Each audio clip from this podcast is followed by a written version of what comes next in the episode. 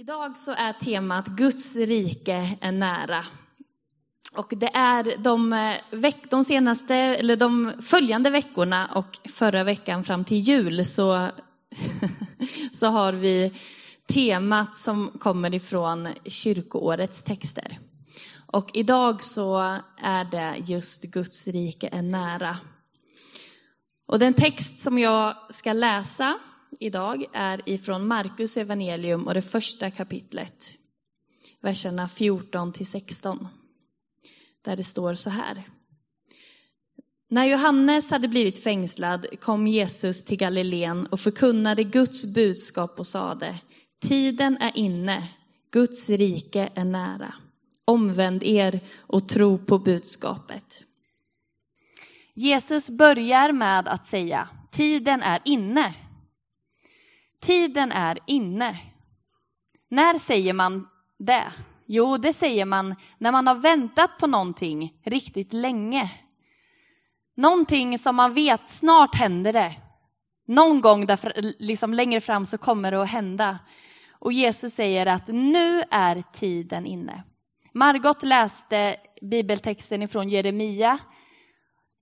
Det ska komma en tid, säger Herren. Och så läste hon en profetia som Jeremia fick frambära om en tid som ligger långt fram där Gud ska gripa in, Gud ska göra någonting stort och mäktigt. Och nu när Jesus säger tiden är inne så förstår vi att han vill säga att nu är det dags. Nu händer det som ni har väntat på och längtat efter. För de som stod där och lyssnade på Jesus när han sa så, tiden är inne, tror jag hade en ganska tydlig förväntan på att någonting skulle ske i framtiden. Att de, precis som alla judar, haft under alla tider en förväntan på att någon gång så kommer Gud i världshistorien komma liksom komma till oss och göra allting bra. Allt det som vi kan se har blivit fel. Från att han skapade världen god, perfekt, utan brist. Så ska Gud göra igen. Världen ska bli så som den en gång var. Alla de fel, alla de brister, alla problem, alla synder, all sorg, all smärta Allting ska bli bra. Det var centralt och viktigt för varje jude att Gud skulle göra det. Till slut så ska kärleken vinna. Till slut ska rättvisa skipas. Ungefär som ett slags klimax i hela världens historia. Att Gud ska komma och regera. Guds vilja ska ske till slut. Så när Jesus säger de där orden, nu är tiden inne. Troligtvis kopplade man det till alla de där löftena. Och det var inte några få löften, det var inte bara Jeremia som profeterade om att en tid ska komma. Det finns oändligt många profetior i Gamla Testamentet som talar om en tid, den tiden kommer. Och så står det fantastiska saker och beskrivningar om hur världen ska se ut och vara. Sen säger Jesus, Guds rike är nära. Bibeln och Nya testamentet är ju inte skrivet på svenska, så ordet Guds rike var inte riktigt det som Jesus använde där. Utan det grekiska ordet för rike i det här fallet är basileia. Och det är ett ord som egentligen inte betyder det vi tänker på när vi hör ordet rike. För jag i alla fall tänker på ett rike som en plats eller en, ett landområde. Att det finns liksom gränser kanske, eller här, det där är ett rike. Men det här ordet basileia betyder att bestämma eller att regera. Därmed betyder Guds rike att Gud bestämmer. Gud regerar. Så Guds rike är detsamma som att Guds vilja sker. Och så säger Jesus, Guds rike är nära. Vi, går, vi tar en lite kort grekiskan tillbaks. Är nära. Det är en, ett tempus som inte finns på svenska. Det betyder att Guds rike är, har kommit nära och är fortfarande nära, eller håller fortfarande på att komma nära.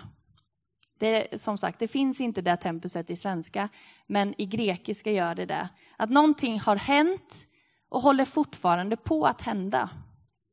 Så Guds rike har kommit och håller fortfarande på att komma. Jag tyckte i alla fall att det var lite intressant när jag såg det. Vad de som tänkte, eller vad de tänkte som hörde det här första gången vet vi såklart inte, det står inte i Bibeln. Men i och med att vi vet att det fanns jättemycket förväntningar på vad den där tiden skulle innebära med Guds, när Gud skulle komma till människan och göra allt bra. Så kan vi förstå att det fanns jättemånga uppfattningar om vad det där skulle innebära och vad som skulle hända och vilken, när allt det där skulle hända.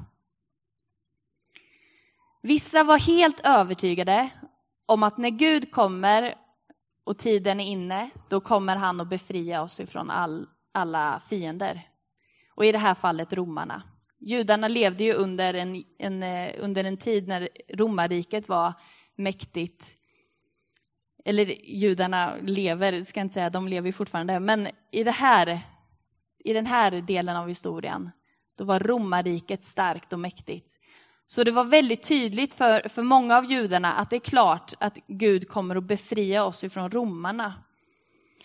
Andra tänkte mer att det skulle bli någon slags apokalyps, att det skulle bli slutet på mänskligheten och historien. Det fanns jättemånga olika förväntningar på vad den här tiden skulle innebära.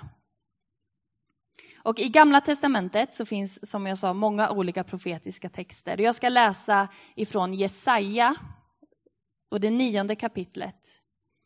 Där står det så här. Men natten ska vika där ångest nu råder. Det folk som vandrar i mörkret ser ett stort ljus över dem som bor i mörkrets land strålar ljuset fram. Ty ett barn har fötts, en son är oss given. Väldet är lagt på hans axlar och detta är hans namn. Allvis härskare, gudomlig hjälte, evig fader och fris furste. Jag ska också läsa från Joels andra kapitel, där det står så här. Det ska komma en tid då jag utgjuter min ande över alla. Era söner och döttrar ska profetera, era gamla män ska ha drömmar, era unga män se syner. Också över slavar och slavinnor ska jag utgjuta min ande. På himlen och på jorden ska jag då låta tecken visa sig, blod och eld och pelare av rök. Solen ska vändas i mörker och månen i blod innan Herrens dag kommer, den stora och fruktansvärda. Men var och en som åkallar Herrens namn ska bli räddad. Det är ju ganska många olika saker som vi ser att man såg fram emot. Men man är ganska säker på att man under den här tiden trodde att allt skulle hända på en gång. Att mörkret skulle skingras av ljuset, av att anden skulle komma och falla över människor, att Gud skulle tvätta bort alla synder som vi läste i inledningen och att historien och världen skulle, skulle förändras och himlen som vi läste nu skulle vändas i, i eld. Och att allt det där skulle vara en enda händelse. Så när Jesus säger tiden är inne så tänkte man troligtvis att nu blir allt bra. Nu på en gång. Nu kommer allt det där att hända. Som en raket som bränner av allt på en gång. en gång för alla. Men vi kan förstå och vi ser idag att allt hände inte på en gång. Allt blev inte bra. En del av löftena har infriats. Jesus kom till världen. Jesus föddes som ett barn. Han bar hela världens skuld på sina axlar för att alla ska kunna bli förlåtna. Den helige ande har blivit utgjuten så att alla som tar emot Jesus kan få del av Guds ande, av hans liv och kärlek. Men allt har inte hänt än. Och just det där, Guds rike har kommit nära, men håller fortfarande på att komma nära. Ett annat sätt att beskriva det är att säga Guds rike är redan nu, men ännu inte.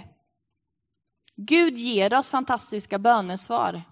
Ibland så är det som att Gud griper in så där oerhört mäktigt och vi står där förundrade och tänker, hur är det möjligt? Det som var helt omöjligt, Gud gjorde det. Gud gjorde någonting. Jag hade knappt vågat tro det, men Gud gjorde någonting. Ibland är det så fantastiskt. Vi ber för någon eller vi ser att Gud griper in och då ser vi det där, Guds rike är redan nu. Tänk att vi kan få vara med och gå från mörker till ljus. Vi kan få uppleva hur, hur Gud bryter in i våra liv. Jag har varit med om det.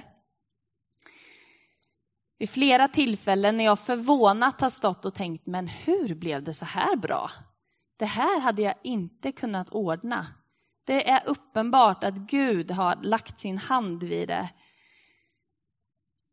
Gud är närvarande och Gud vill svara och gör ofta det när vi ber. Men när svaren uteblir och det onda verkar ha vunnit helt och Gud ibland verkar totalt handlingsförlamad. Då tänker jag att vi får påminna oss om orden ännu inte. Guds rike har kommit, men håller på att komma också. Guds rike ska komma nära. En dag kommer det bli uppenbart vem som är Gud. En dag kommer all ondska dömas. En dag kommer det bli rättvist. Men det där hoppet, det slutgiltiga hoppet, det har ännu inte skett. Det ligger framför oss. Jag ska läsa ifrån Hebreerbrevets tionde kapitel. Kom ihåg hur det var förr, när ni nyss hade blivit upplysta. Ni utstod många svåra lidanden. Ni blev smädade och förföljda och gjordes till allmänt åtlöje. Eller också ställde ni er vid deras sida som behandlades så. Ni led tillsammans med dem som satt i fängelse och ni fann er glädje i att bli berövade er egendom därför att ni visste att ni ägde något bättre och mera varaktigt. Ge inte upp er frimodighet, den ska rikligen belönas. Uthållighet är vad ni behöver för att kunna göra Guds vilja och få vad han har lovat. Ty, ännu en liten tid, sen kommer han som ska komma och han ska inte dröja. Jesus ska komma tillbaka. En dag så ska alla sjukdomar bytas i hälsa. All sorg ska bytas i glädje. Allt lidande ska ta slut. Jorden ska återskapas. Jorden ska bli det Gud en gång skapade den till, det paradiset som Gud en gång gjorde. Och det där hoppet som ligger där framför, det är ett viktigt hopp. Det är ett centralt hopp för mig som kristen. Men ett hopp som ibland glöms bort. I Uppenbarelseboken kapitel 21 står det så här. Och lyssna nu, det här är vackert beskrivet. Se, Guds tält står bland människorna och han ska bo bland dem och de ska vara hans folk och Gud själv ska vara hos dem. Och han ska torka alla tårar från deras ögon. Döden ska inte finnas mer och ingen sorg och ingen klagan och ingen smärta ska finnas mer. Ty det som en gång var är borta.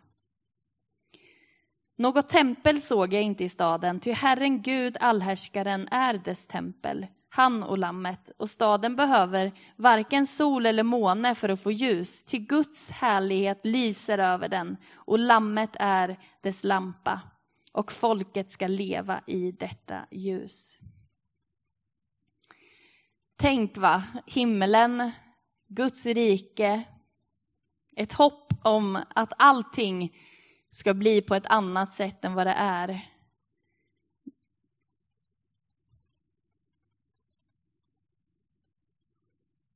Ibland är det svårt att tro det, ibland är det svårt att tänka det, att det där är en verklighet lika väl som det här är en verklighet. Men Bibeln säger det tydligt och klart, att ni ska vänta på mig. Ni ska vänta uthålligt, tålmodigt. Jag kommer att komma tillbaka. Och där kommer alla frågor att få svar. Jag har många frågor. Jag har många undringar inför Gud. Varför blev det inte så? Och varför blev det så?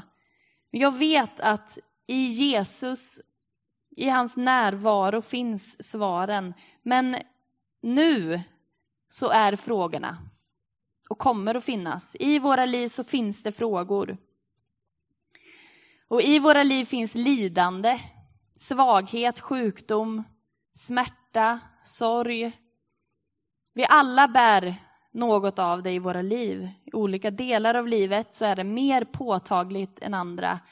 Men för oss alla så, så eh, gäller hoppet om himlen. För oss alla gäller hoppet om en annan tid som kommer. Och jag tänker att vi som församling, jag som kristen, jag har ett ansvar att bära det hoppet till människor som inte har ett hopp. Att Guds rike har kommit. Guds rike är nära. Det är ett hopp. Och Guds rike ska komma. Det kommer inte, det kommer aldrig bli rättvist här på jorden. När man är liten så är man väldigt mån om rättvisa. Det ska vara exakt lika mycket läsk i, i båda glasen hos barnen. Men jag vet att oavsett hur rättvis jag försöker vara som mamma så vet jag att livet är och kommer aldrig att bli det. Det kommer innebära sorg, det kommer innebära smärta, frågor och saker som, som jag aldrig kommer kunna svara på. Det är så för oss alla. Men jag vet att en dag så kommer det har Gud lovat. Allting att bli rättvist. Och det är för mig en tröst. Här i den här världen så får vi lida, säger Jesus, men var vid gott mod, ty jag har övervunnit världen. Så idag vill jag liksom skjuta in ett hopp, påminna oss om hoppet om himlen, hoppet om att Jesus ändå ska göra allting bra också Guds rike har kommit nära.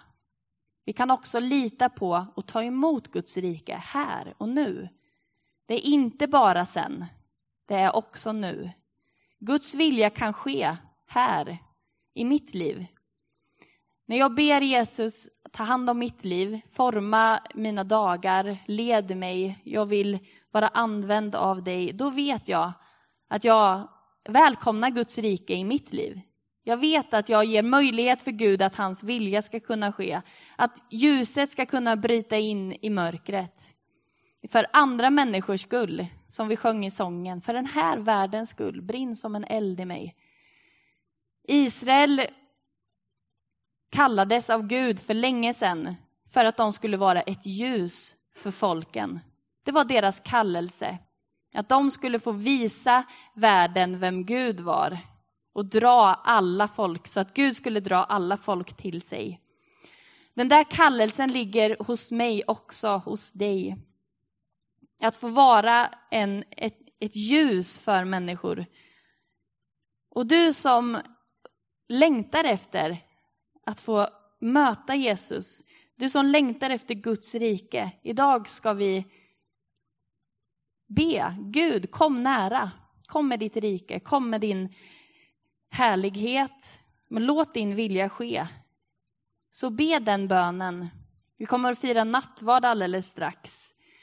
Ett fantastiskt tillfälle då Gud kommer nära. Jesus blev ju kött, som man brukar säga.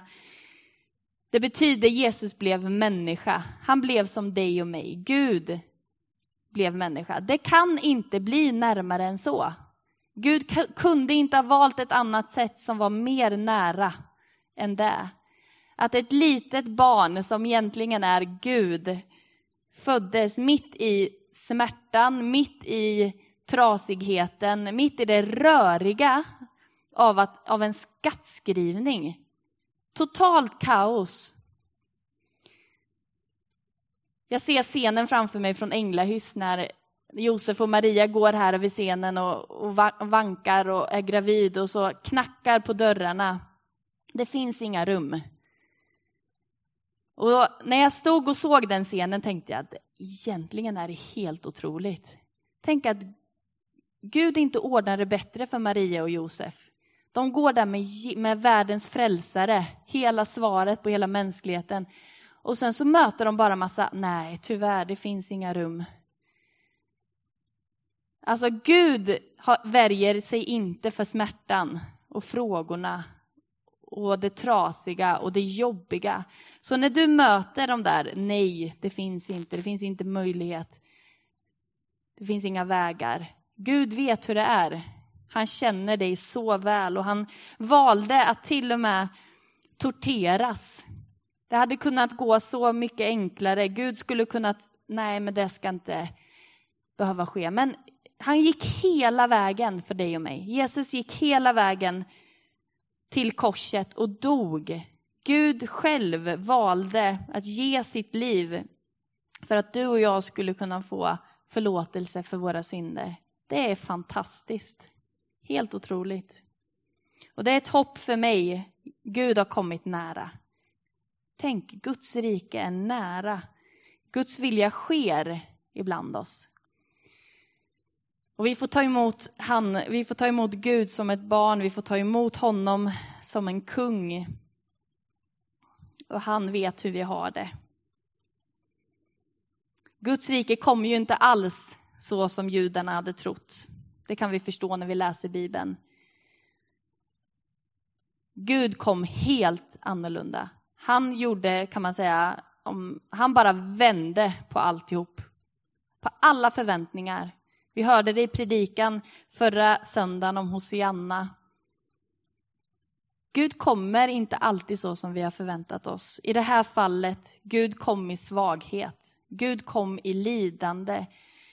Gud besegrade det onda genom att besegras av det onda, låta sig dödas. Men det var ingen förlust, det var en seger, men det var inte som man hade trott. Och det där är någonting som jag tar med mig ifrån talet om Guds rike. Gud gör det på ett annat sätt. Och Guds rike är på ett annat sätt. När, han, när Jesus talar om Guds rike så använder han så många olika bilder.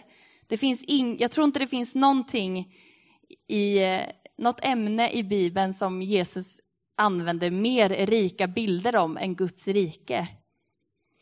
Det är som ett senapskorn. Det är litet, men det blir någonting fantastiskt stort som där till och med fåglarna kan bygga bo. Det lilla har Gud utvalt. Ditt liv har Gud utvalt. Mitt liv har Gud utvalt. Mitt lilla som jag har, det är ibland obefintliga. Men det finns någonting jag kan ge till Gud. Det finns någonting du kan ge till Gud. Gör det. Gud kräver aldrig mer än det vi har, men han vill ha allt vi har. Han vill att vi ska lägga våra liv i Guds händer. Vi ber tillsammans. Tack Jesus för att våra liv får ligga i dina händer, Herre. Tack för att din, ditt rike har kommit nära. Tack för att vi får ta emot ditt rike idag. Att vi får ta emot din vilja i våra liv idag. Herre, ske din vilja på himlen och på jorden. Vi ber dig Gud om att du ska låta din vilja ske i våra liv. I våra liv som individer, men också som församling, Jesus. Herre, ske din vilja. Vi ber att du ska bestämma och regera. Och tack Gud för att du är nära alla människor. Du ser den som inte ännu har närmat sig dig kanske, men som längtar efter dig. Möt den personen idag Jesus på ett särskilt sätt. I Jesu namn, Amen. Nu så ska vi fira nattvard tillsammans och lovsångsteamet, ni kan komma fram. Ska vi sjunga tillsammans och eh, vill inbjuda dig att ta emot Guds rike, ta emot Guds vilja i ditt liv. Amen.